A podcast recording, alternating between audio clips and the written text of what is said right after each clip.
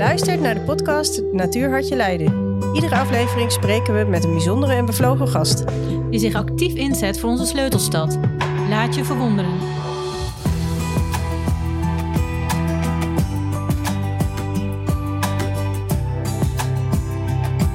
Vandaag ontmoeten we een oude bekende en duiken we wederom de geschiedenis in met Cor Smit, de stadshistoricus van Leiden.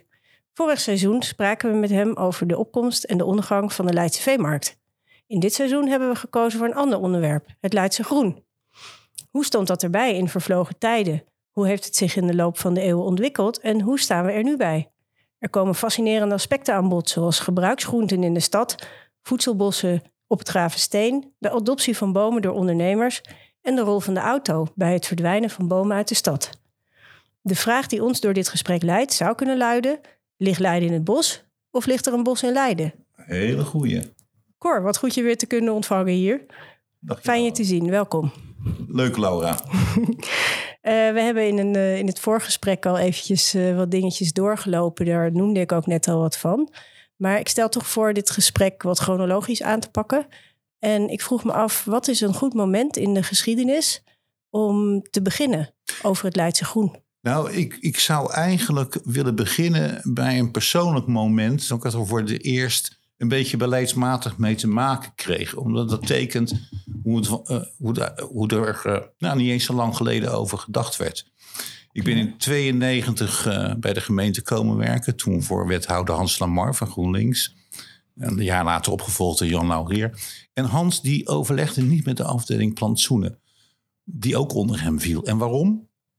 Omdat hij eigenlijk het helemaal eens was met de stedenbouwkundigen die zeiden: de stad is van steen. Dat was anno 1992, dus nog eigenlijk het overheersende dogma. En eh, hij had ruzie gekregen, om, want hij wilde groen op de Breestraat eh, creëren. En ver- ook in de binnenstad. Nou, dat, dat kon allemaal niet, want de binnenstad was, want de stad is van steen. Ze waren natuurlijk toen ook nog moordicus tegen, hoe heet dat, geveltuintjes. Dat was zo slordig. Nee, een mooie strakke straat van steen. Dat waren die opvattingen. Nou, eh, ik praat nu dus nu over 30 jaar geleden. Nou, tegenwoordig denken we er heel anders over. En later, eh, bij, toen ik bij de gemeente werkte, heb ik ook een, een boek gemaakt over de geschiedenis van hoe die stad er nou uitzag. Hè? Over afval, over water en over groen. En ja, ik wist het eigenlijk al. Maar toen werd wel helemaal duidelijk dat die stad, die was zeker oorspronkelijk helemaal niet van steen. Hè, als je teruggaat, ver teruggaat in de tijd, naar de middeleeuwen. Nou, dan was die stad juist ontzettend groen eigenlijk. Ehm, de verstening was nog nauwelijks, die straten waren nauwelijks verhard. Dus daar groeide ook al het een en ander tussen de blubber door. Maar ook natuurlijk gewoon aan de walkanten, die ook nog niet versteend waren. Er zullen wilgenbosjes hebben gestaan. Die werden natuurlijk wel gebruikt om daar eh, mandjes van te maken en dat soort dingen. Eh, eh, maar ook waren er ontzettend veel tuinen en zelfs boomgaarden in die middeleeuwse stad. We hebben nu nog steeds, hebben we de, bij de Lange Brug ligt de boomgaardsteeg. Nou, dat is niet voor niks. Daar stond gewoon een grote boomgaard. Het hele gebied van, van, eh, van het, zeg maar, het Gravensteen tot, het, eh, tot eh, aan de Lange Brug, langs de Papengracht. Ja, dat was allemaal... Dat was één grote bo- boomgaard, in dit geval van de Graven van Holland. Er waren een heel aantal kloosters en andere instellingen. Die hadden hele grote tuinen. Ook bijvoorbeeld de commanderie van de Duitse orde, eigenlijk de pastoors van de Pieterskerk, die hadden achter hun, hun, hun commanderie, zoals het heet, het was een ridderorde, het was een geestelijke ridderorde. Wat is een commanderie trouwens? Een En geestelijke ridderorde, maar wat, wat is dat? En de commanderie is dus zeg maar eh, hun hoofdkwartier. Nou ja, het hoofdkwartier waar de van de kerk. zit. Van de kerk. Nee, van de, van, de, van de Duitse orde. Oh. Van die geestelijke ridderorde. Nou zaten er hier geen echte ridders geestelijke te zijn hoor. Oh, Maar die hadden dus vanaf daar zo in die kloksteeg tot de Rapenburg was één grote tuin. En daar verbouwden ze natuurlijk, daar verbouwden ze ook gewoon ja, fruit, groenten, kruiden. eh, van alles wat ze zelf nodig hadden. Was, wat dat ze dan, zelf was dat dan een gemeenschappelijke ruimte? Of was dat echt voor kloosters? Of, of was dat door mensen beheerd? Of kon Dat- iedereen daar naartoe om een beetje te Nee, plukken? nee, dit, Nee. dit was gesloten en dit was gewoon puur voor, voor de pastoor. Oké, Eh, of beter gezegd, de pastoors van de Pieterskerk. Maar, eh, maar er waren daarnaast nog een stuk of 13, 14 kloosters in de stad. Die hadden allemaal hun eigen kloostertuin. Waar ze hun eigen groente en fruit eh, verbouwden. En natuurlijk ook eh, de wat grotere huizen hadden ook een gigantische tuin. Nou, daar werd ook wel het een en ander verbouwd. Maar ook gewoon in het groen gezeten.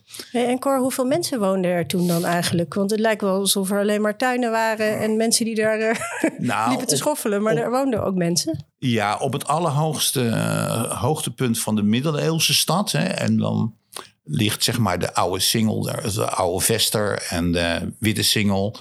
En de oostgrens is dan een beetje de Herengracht. Daar woonden op het hoogtepunt 13, 14.000 mensen. Dus dat is nog wel te overzien. En veel, veel delen van die stad, die waren dus helemaal niet in gebruik. En, en ook, ja, zowel in de openbare ruimte had je veel meer groen. Gewoon omdat er veel minder steen was. Ja. En je had al die tuinen. Eh, en ook bij de stadswallen, die werden eh, voor een deel werden die ondersteund door allerlei eh, struiken en zo. En dat weet je dan toevallig, omdat dan zo'n stadsbestuur zegt van ja, het is verboden aan jong en oud om bloemen te gaan plukken in de struiken. Want eh, die struiken hoorden bij de verdediging. Maar het was dus een, een groene aanblik. Ja. En, en, en eh, De de, bloemen hoorden bij de verdediging, zei je dat? struiken, dat waren De natuurlijk... struiken, waar dat soort prikkelstruiken. Ja, als je een braam hebt, dan kom je er niet zo makkelijk doorheen, hè?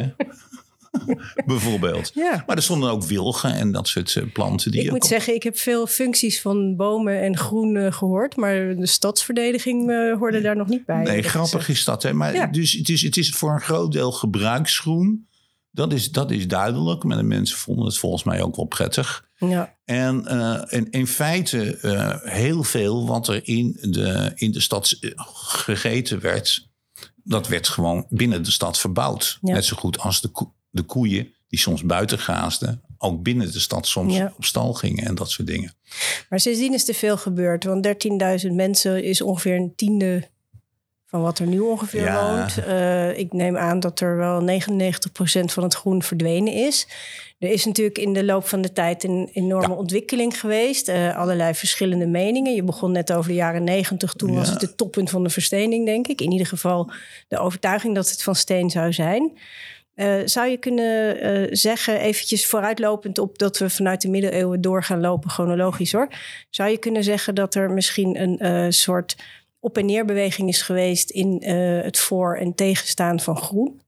Nou, ik denk dat er ehm, in het algemeen de waardering voor het groen en voor het zijn in het groen door de eeuwen heen altijd groot is geweest. Na de, het Leids ontzet is die stad helemaal volgelopen met vluchtelingen uit de zuidelijke Dat Nederlanden. was 1574, hè? Ja, na 1574. En je ziet dan dat om die mensen op te kunnen vangen, en men wilde die ook om economische redenen die, die vluchtelingen opvangen, want die brachten welvaart aan de stad. De vluchtelingen brengen welvaart, dat is even duidelijk eh, om duidelijk te stellen. Even terzijde dit. Even terzijde. Ja. maar dat betekende wel dat eh, heel veel van die open ruimte... Kijk, die kloosters die waren allemaal geconfiskeerd. Dus dat, dat- al die open ruimtes die werden langzaam maar zeker benut. Die werden volgebouwd. Maar ook heel veel mensen die een grote tuin hadden... dachten bij zichzelf van... ik kan wel een paar centen verdienen... door er zes huizen of twaalf of vijftien huizen neer te zetten. Dus je ziet dat eh, in die jaren eh, na het Leids ontzet, langzaam maar zeker, die hele oude middeleeuwse stad volgebouwd wordt, volgeplemd wordt. En Cor, moet ik me dat dan voorstellen dat ze dat... eh, je zei, ze gebruiken dan de kloosters en de ruimtes die er zijn. Eh, Gaat dat uit van een soort ehm, beweging van een centrum naar richting buiten? Of ging iedereen in andere wijken los van elkaar zitten? Werd Nee. dat een gefragmenteerd geheel? Nee, nee, dat is allemaal onder de regie van de stad. Kijk. Mhm. al, die, al die kloosters die werden geconfiskeerd, waren eigendom van de overheid. En dat is in die tijd puur de stad. De stad is staat centraal, ook in regelgeving. Dus de stad regelt het. En de stad zegt van we gaan dit klooster daarvoor gebruiken, dat klooster voor, eh, voor iets anders. En eh, nou, dit klooster, daar past mooi de universiteit in. En in dat klooster, eh, daar kunnen we een mooie lakenhal van maken. Ja. En dat soort, dat soort dingen. En, ehm, Maar die stad die wordt dus ontzettend vol. Die wordt heel groot. Vandaar ook dat de- je vanaf 1611 die stadsuitbreidingen krijgt. Om daar meer ruimte te krijgen. Maar wat minstens zo interessant is, dat in 1590... eh, ja, al die groene ruimtes die verdwenen binnen de stadsmuren. En wat zegt het stadsbestuur dan? Wij kopen eh, scheepsladingen met jonge bomen. En wij maken en, en die planten wij om de hele stad heen. In een dubbele rij met een prachtig wandelpad. En we planten die bomen op de belangrijkste grachten en straten van de stad. Dus en dat allemaal ter recreatie en de vermaak. Nee, ter siering en de vermaak. Het was mooi en het was prettig. Het was leuk om daar te lopen. Dus men creëerde eigenlijk toen al, om te beginnen, een soort van singlepark, maar dan aan de buitenkant. Ja, Ja. nee, het is gewoon net een singlepark. Want het volgt ook het pad van het Singlepark nu, toch? Dus dat is een mooie link. Mm, Ja, maar dan aan de buitenkant van de single. Het zat helemaal aan de buitenkant van de single. En je moet je voorstellen dat dus het gebied van de stad eindigde met een sloot aan, buiten de gracht. En tussen die sloot en, en, en de vestinggracht werd een pad gecreëerd met aan beide kanten iepen. Ja. En eh dan was dus één wandelroute. De grootste delen van die, van die route mochten ook geen koetsen rijden en dat soort dingen. Was je puur om te wandelen, voor kinderen om te spelen. De stad zette er zelfs bankjes neer die van stadswegen werden schoongemaakt, zodat de mensen daar konden verblijven in, in die groene ruimte. Die stad die was hartstikke vol en stinkend. Maar die ontspanningsruimte werd dus gecreëerd in een groene ruimte om de hele stad heen. En moet ik me dan voorstellen dat de goede burgerij daar ging wandelen? Of was daar een plek voor iedereen? Nee, dat was echt een plek voor iedereen. Daar ging iedereen wandelen. Ja. Hè, en dan, eh, als je heel veel tijd had, dan ging je helemaal de stad in de rond. De, de wandeling van de zeven singles was het uiteindelijk. En, en, en nee, dat En was, duurde dat dan ook een uur, denk je? Want eh, nu is het Singlepark ongeveer een uur, vijf kwartier. dan loop je wel heel erg snel in eh, Oh, voor is 6,5 kilometer. Ik moet zeggen dat ik inderdaad wel vrij snel loop. Maar het is iets langer, want het is de buitenkant. Dus het, je kan er al snel een kilometertje bij, tel- bij, Ja, ja. bij- bij tellen. Ja. En, en, ook op die stads eh, grachten komen dus bomen. En ze creëren eigenlijk ook het allereerste parkje in de stad. Ja. Want ze maken van de burcht, die ze kopen van de oude burggraaf. Zo'n oude, die, die man had niks meer te vertellen, maar dat was nog van hem. Dat hebben ze toen gekocht. Maar daar hebben ze gedacht van, nou, daar maken we een mooie groene eh, uitspanning van. Dus dat werd helemaal ingericht als een park. En ook met hertjes en met fruitbomen en zo. Echt in het groene, in het hartje van de stad. Mooi, hè? En, en wat jij eh, in de aanhef had je het ook over ehm, bomen die eh, als het ware eh, gesponsord werden. Dat Ja, begint dan ook in die tijd. noemde je het eerder. Ja. Ja, dat, dat- nou ja, dat zijn, wat er gebeurde is natuurlijk gewoon bepaalde bedrijfstakken, met name zeg maar branderijen en, en, en brouwerijen. Die, als ze hun vaten buiten de deur zetten, willen ze er van in de schaduw zetten. ja. Nou, die, wat, zij, wat er dan gebeurde is van zo'n ehm, zo'n ondernemer die kocht, die schafte dan bomen aan om Ja. voor zijn huis te zetten of voor zijn pand te zetten. En de stad onderhield ze dan verder. ja. En vandaar ook dat je nog steeds eh, in de Nieuwstraat bijvoorbeeld eh, nu een veilinghuis, maar het is een oude eh distillerij, onder de boompjes Onder hebt. de boompjes, ja. Ja, daar kan je het nog precies zien. Maar zo zie je dat er helemaal door de stad heen, overal, Ja. dat daar bomen verschijnen. Mensen vinden dat zowel in het gebruik, maar ook voor de ontspanning. En voor, voor de mooi vinden die bomen belangrijk. En vanaf de 18e eeuw komt daar nog wel een element bij van dat men vindt dat het gezond is. Ja. Want bomen halen miasma. Dat is, zijn ziekteverwekkers uit de lucht. Oh, Ja, men dacht vroeger dat je ziek werd door eh, rottende lucht eh, in te ademen. oké. En bomen halen dat uit de lucht. Ja. Dus dan kwam dat gezondheidselement er toen al bij in die, in die 18e eeuw. Ja. En het was inderdaad zo groen voor een 17e eeuwse begrippen. Dat een Engelse reiziger die zo ergens in de tweede helft van de 17e eeuw naar Leiden toe komt, zich afvraagt van. eh, ligt Leiden nu in een bos of ligt er een bos in Leiden? Mooi, hè? Dat vind ik zo'n prachtige uitspraak. Ja. En het geeft direct ook aan dat dat De verhouding. dat dat niet, niet overal gebruikelijk was met steden. In Londen zou je het niet gehad hebben. Maar in Leiden vond men dat gewoon heel belangrijk. en Als je het gedaan. vergelijkt met bijvoorbeeld Den Haag, is dat dan dezelfde? Of hadden ze. Of, of, Ja, Den Haag zit een beetje anders in elkaar. Ook bestuurlijk natuurlijk. ja. Maar wat mij opvalt in jouw verhaal is dat het eh, gemeentebestuur eh, nogal ehm, actief is. Dat, Ja. ze, dat ze actief bomen eh, promoten eigenlijk. Met ook een doel, een educatief doel, een cultureel. Mensen gaan daar gen- genieten. Eh, de gemeente, ik neem aan dat het bestuur toen dat uit belastinggelden deed. Of uit eh, Ja, ja, ja, ja, ja, dat is allemaal accent. Maar het was in ieder geval nogal gestuurd. Dus ruimtelijke ordening was toen nog echt wel een ding. eh, in ieder geval op stadsniveau. Leiden, buiten Leiden hield de stad op. Je had boerderijen. Maar je had natuurlijk veehouderij. Wat vroeger aan groenten binnen de stad werd verbouwd. En aan boomgaarden. Zit nu allemaal om de stad heen. Dus Leiden zit in een heel tuinbouwgebied. eh, eigenlijk een hele schil van tuinbouw. Wijn, weilanden. Maar ook wat dan heet speeltuinen. Een speeltuin is een klein buitenverblijfje.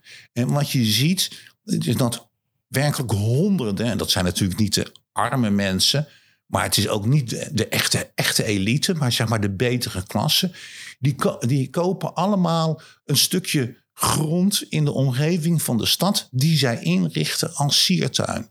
En waar zij zomers verblijven.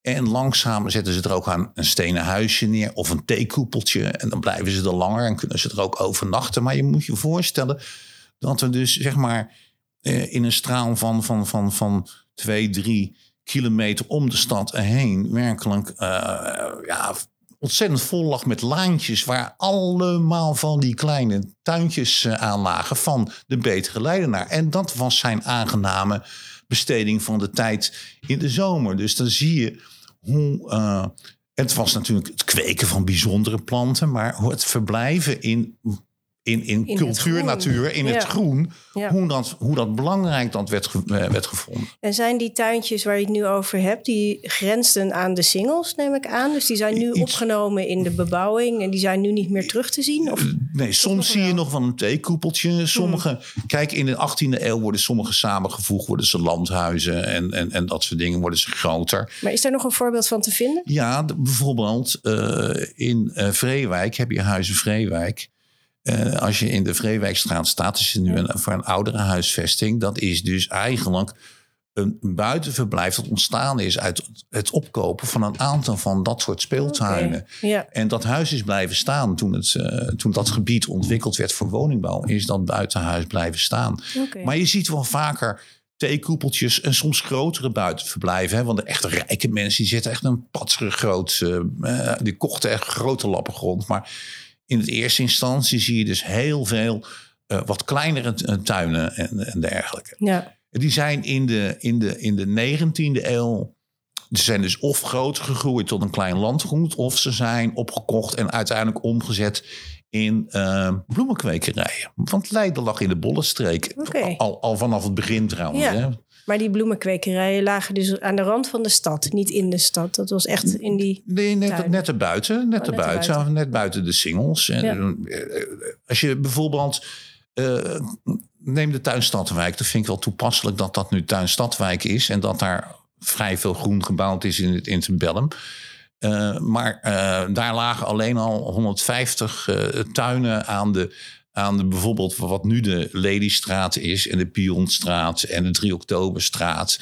Dus vrij dat, dicht eh, bij de stad. Ja, dat is zeker dicht in de stad. Ja, ja, ja, dus een fascinerend verschijnsel. Maar als je daar nu rondfietst, dan zie je daar eigenlijk niet veel van Daar zie je terug. helemaal niks Nee, van terug. nee, nee. Daar, zie je niks, daar zie je er niks van terug. Nee. dat klopt. Is dat allemaal naar de rand van de stad verder verdreven, richting Zoeterwoude en zo? Daar zie ik Ja, wel... die, die, die, die, die, die, die, op een gegeven moment in de 19e eeuw kwamen die bolleboeren erachter dat ze veel meer geld konden maken als ze een, eh, een grond verkochten aan een projectontwikkelaar. Ja. En, en, eh, of als ze er zelf huizen lieten bouwen. Zou je kunnen zeggen dat de moderne tijd daar begonnen is qua groen in de stad? Of eh, Eh, Bijna wel. Maar lijkt dat, een omslag? Of nou ja, nee, want die stukken zijn dan niet zo groen als zij ze daarmee wat vol gaan bouwen. Want het gaat hun alleen maar om het geld, geld ontbrengt. ja, Ja. ja.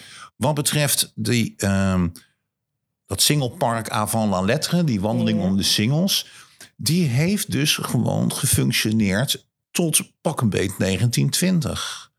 Dus, dus zeg maar, in het begin van de 20e eeuw kon je nog steeds onder die dubbele bomenrij een wandeling om de stad maken. Maar dan komt de opkomst van de ene kant de bebouwing. En dan zijn er een paar eigenaren die zeggen van ik wil geen boom voor mijn huis, is schaduw. Maar vooral wat eh, is dat dan de, het autoverkeer opkomt.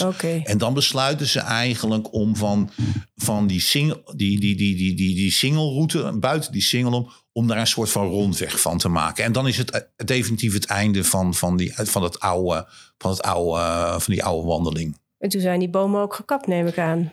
Daar kan je niet doorheen rijden met de auto. Nee, ja, alleen, nou beter gezegd, één rij bomen is overal gekapt. Die aan de waterkant hebben ze doorgaans laten, eh, laten staan. Dus dat is de binnenrand dan, zeg maar. zeg maar, de binnenrand Ja. is blijven staan. Maar er zijn ook weer andere bomen. Het zijn tegenwoordig kastanjes.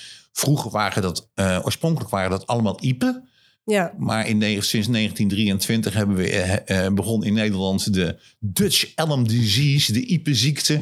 ja. En, eh, en toen zijn er heel veel van die iepen verdwenen. Ik geloof, ik heb ontdekt dat er volgens mij staat er bij de stations straat nog één oorspronkelijke iep.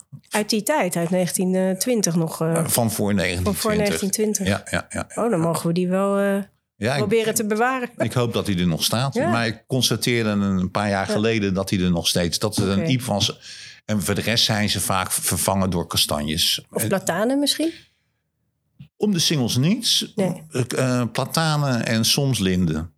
En dat laatste had meer te maken met de invloed van de bijenhoudersvereniging in Leiden, waarvan toevallig een paar topambtenaren lid waren. Dus die wilden lekkere honing kunnen produceren. dat is echt Ja, waar, ja. dat is echt waar. Ja, lindens hebben natuurlijk bloesem, dus dat, eh, maar Ja, kastanjes precies. hebben eh, dat ook misschien. wel. Ja, maar die kan je geen. eh, eh, Nee. Heeft een honing bij weinig aan. Ja. kastanje. Ja, Dus, dus je ziet eigenlijk dat, dat die ontzettende eh, massaliteit van die stad. Want het is, ik bedoel, het is veel, veel voller dan het nu is. Hè? Ik bedoel, er wonen 63.000 mensen binnen de singles. Hè? Dat is een gebied waar nu 20.000 mensen wonen. En dat vinden we vol.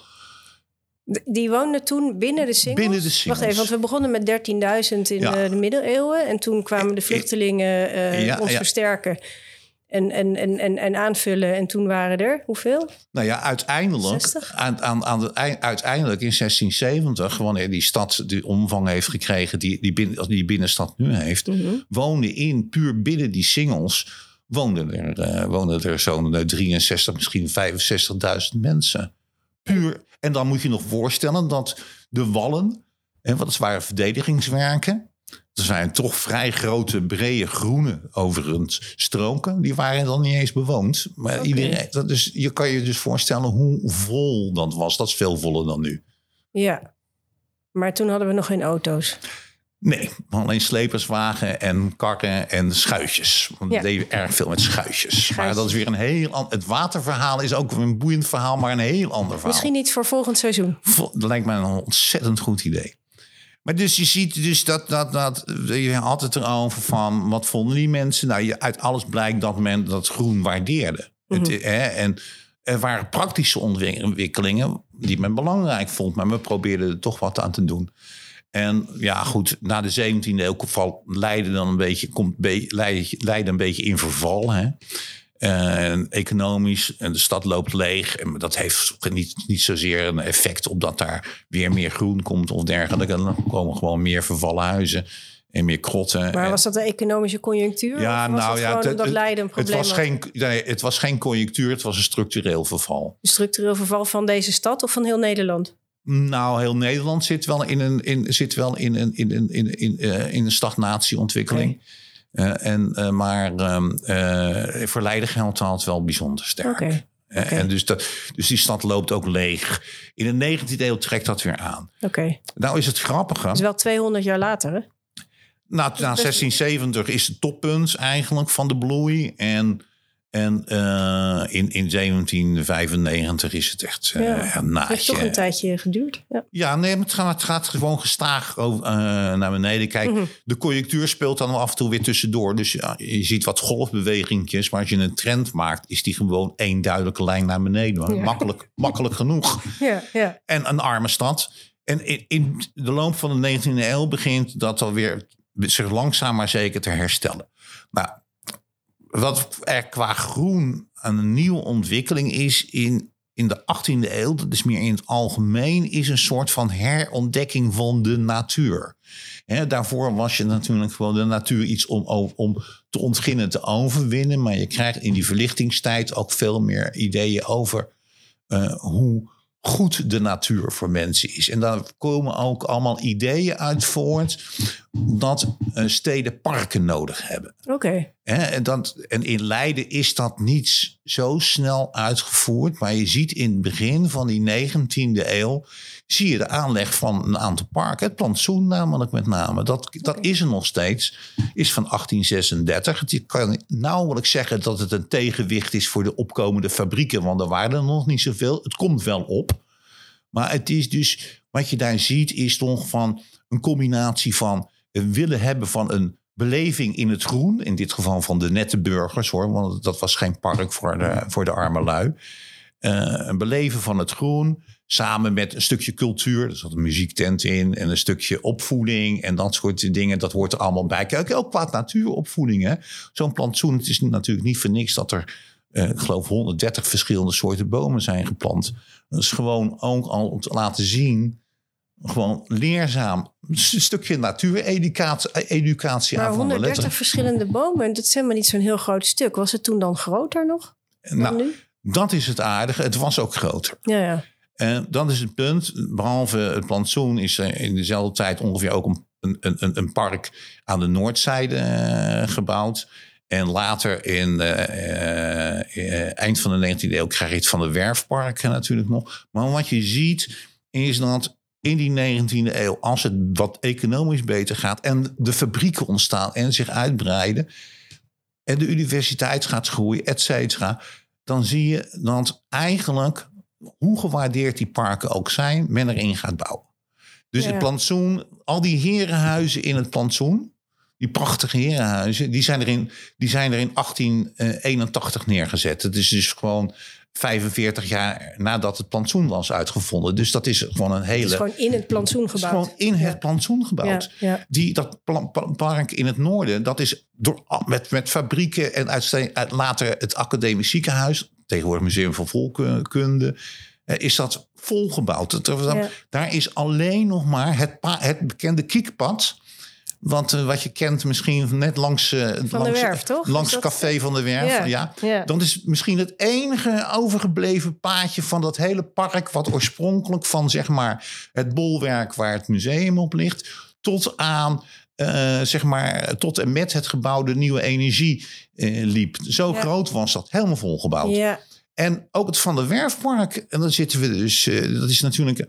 Toen daar de universiteit nieuwe gebouwen neer wilde zetten. Een nieuw museum voor natuurlijke historie. Toen er een nieuw gymnasium nodig was. Toen men een meisjes HBS, oftewel een MMS wilde bouwen. Zijn die allemaal in dat Van der Werfpark gebouwd. Ja. Dus je ziet een raar fenomeen in die 19e eeuw. Dus die waardering voor het groen.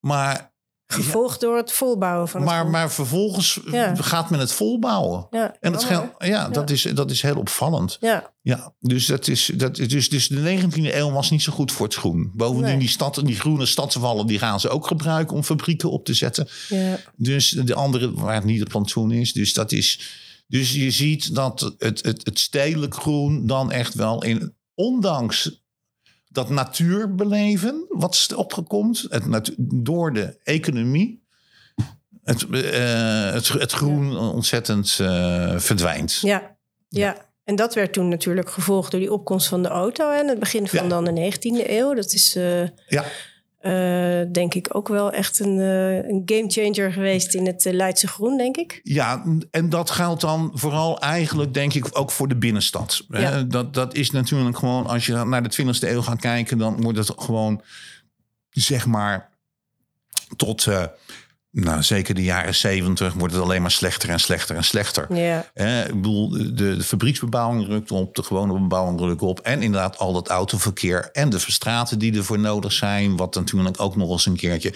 En het groen verdwijnt. Maar ook de groeiomstandigheden van bomen bijvoorbeeld wordt slechter en slechter en slechter. En dus wat bedoel je met groeiomstandigheden van bomen? groei, groeiomstandigheden. Groeiomstandigheden. Een, een boom heeft ruimte nodig, moet zijn voeding ergens vandaan kunnen halen. Op het moment dat die grond dicht is is, of helemaal dicht eh, geasfalteerd is, of dicht gestraat is, dan kan er onvoldoende water bij komen. Komen ze, niet, komen ze niet, en bovendien die grond ligt vol met kabels, komen ze niet aan genoeg eh, voedingsstoffen. Nee. Dus het is zelfs als ze niet bewust werden weggehaald omdat ze in de weg Ja, stonden, gingen ze toch dood. gingen ze toch bij massa's dood. Omdat, omdat, eh, omdat eigenlijk die, met name die binnenstad werd aangepast aan dat autoverkeer. Ja. Want dat moest helemaal ontsloten worden. Kun je daar getallen aan zetten? Van eerst waren er zoveel bomen en toen waren er zoveel bomen? Eh, helaas kan ik dat niet. eh, Nee, dat- je hebt ze niet zou- geteld. Dat zou ik nog wel eens willen doen. Een van Nou. mijn idealen voor mijn pensionering, en dat ben ik nu, is nog altijd een boek over bomen in de stad, in de stad Leiden te schrijven. Nou, Misschien ik kijk er naar uit. Wie weet Ik heb met, met. Rini Kooi heb ik daar wel een, een grote afspraak van. Heel goed. Ook arbeiders hebben recht op groen. Oké. Hebben ook recht om op te groeien in een groene Maar omgeving. het werd dus nog steeds gezien als iets gezonds en iets eh, Ja. goeds om in het groen te wonen. Dat Ja, is eigenlijk zeker. nooit veranderd in de geschiedenis. Nee, eigenlijk niet. Want dat is nu nog steeds in feite zo. Ook al kappen we veel, er wordt nog wel steeds eh, vakantie gevierd in het groen. Naar het oosten verhuisd om eh, in het buiten te gaan wonen of een tweede huis te hebben. Het wordt nog steeds gewaardeerd. Ja, en dat en was toch wordt het... En dat was, was in die tijd dus ook zo. Ja, Hè? En je ja. hebt bijvoorbeeld, hè, we hadden het net over die parken als een plantsoen. Maar je krijgt ook al, en dat begint al in 1890, een hele beweging, ook gesteund door de socialisten, om een volkspark te realiseren. Mhm, mhm. Een volkspark, een groot park waar de arbeiders in het groen kunnen, eh, kunnen, kunnen verblijven, maar waar ze ook kunnen ontspannen, waar ze ook kunnen sporten, waar een vleugje cultuur is. Ja. Nou, de eerste poging is het Kooipark geweest. Nou, dat was natuurlijk veel te klein. Ja, dat is maar zo goed. uit die gedachtegang is natuurlijk het Leidse Hout voortgekomen. Mhm. Ja. Alleen moet ik wel het Leidse Hout wel duidelijk zeggen... dat terwijl het Kooipark ontworpen is door de gemeente... het Leidse Hout, daar speelt de gemeente wel een rol... maar dat is helemaal gefinancierd door, door het particulier initiatief. En, daar, eh, en het grappige daarin is dat je dus onder de grote geldgevers... Van het, eh, voor het Leidse Hout, eh, wat in 1931 geopend wordt... dat, dat, dat daar... ehm, eh, zowel fabrikanten zitten, zoals de familie De Koster van een meelfabriek, maar ook bijvoorbeeld eh, Knuttel, het communistische eh, gemeenteraadslid van, van Leiden. Heet die knuffel? Knuttel. Oh, knuttel. Nee, niet knuffel. Hij- Volgens mij was hij ook niet zo knuffelbaar hoor. Lijkt me een vrij strenge man. Nou. Maar, maar die Knuttel die, die was academicus en die heeft er ook in geïnvesteerd. Dus dan zie je dat daar vanuit particulier initiatief zo kapitaal en arbeid, om het maar te zeggen, de handen Ja. ineens slaan Ja. om gewoon een adequate ja. eh, groenvoorziening, eh, waarvan alles kan gebeuren voor in het publiek groen. gebruik. Dat is natuurlijk wel grappig. Dat het wel gewoon openbaar was Ja. voor publiek gebruik. Ja, En wat ik me ook realiseer is dat eh, natuur in Leiden... Ja, zo natuurlijk is het niet. Het is allemaal best aangelegd en eh, gepland. ja, dat is natuurlijk zo. Ja, ja. Kijk, dat, dat, is, dat heb je in, in, een, in een stad natuurlijk al heel snel. Ja. En dat, het natuurlijke element komt pas om, om oude. En dat is nou, eh, trouwens, laten we wel wezen.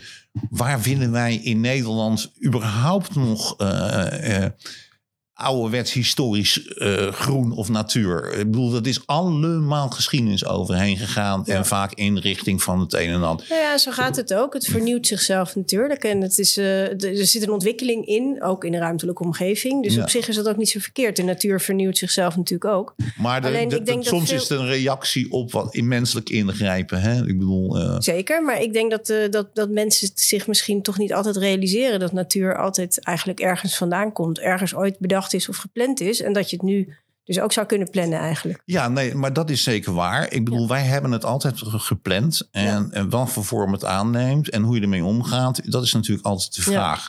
En, om het hele verhaal even af te maken. Ja, maak het even af. Ja, nee, nee, dat is best wel interessant. Want, Ja. want dat, kijk, dat concept van elke wijk heeft recht op groen. En zelfs een, elke wijk heeft recht op een, op, een, op een eh, stadspark. Dat zie je na de oorlog ook gewoon nog doorgaan.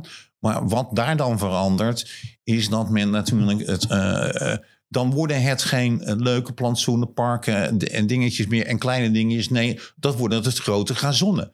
Want dan kan je zo economisch en makkelijk bijhouden met de machinemaaier eroverheen. maaimachine, ja. dat is heel eenvoudig. Ja. Dus, dus je ziet op zich de hoeveelheid groen in vierkante meters wel hetzelfde blijven, maar van die kleinschalige plantsoentjes en Met tuintjes struikjes en boompjes. eh, eh, wordt, wordt dat dus Ja. gewoon van die, van die grote groene eh, gazonnen. Ja. In, in, in, de, in, de, in de jaren 50 en, en in de jaren 60. Je ziet dat in al die. eh, Kijk maar naar Zuidwest, dat was het oorspronkelijk. Ja, tegenwoordig worden die ruimtes ook weer volgebouwd, natuurlijk. Dat is Ja. ook weer een probleem. Nou ja, maar, die grasveldjes lenen zich natuurlijk voor parkeerplaatsen. Ja, maar dat waren de speelplaatsen. En vroeger men gebruikte dat. Kinderen speelden daar ook. En, en je moet je ook realiseren dat vroeger, meer dan nu, ook mensen gewoon lekker gewoon gingen picknicken op het grasveld in de, in de, naast de flat. Ja, En gewoon met een kleed naar buiten en een broodje bij. En dan ging je verpozen in je eigen groene omgeving. Ja. Maar dat was dus vrij saai groen. Laten we even duidelijk zijn. Ja. Dat verandert eigenlijk. Wat je wel krijgt is in de jaren 70...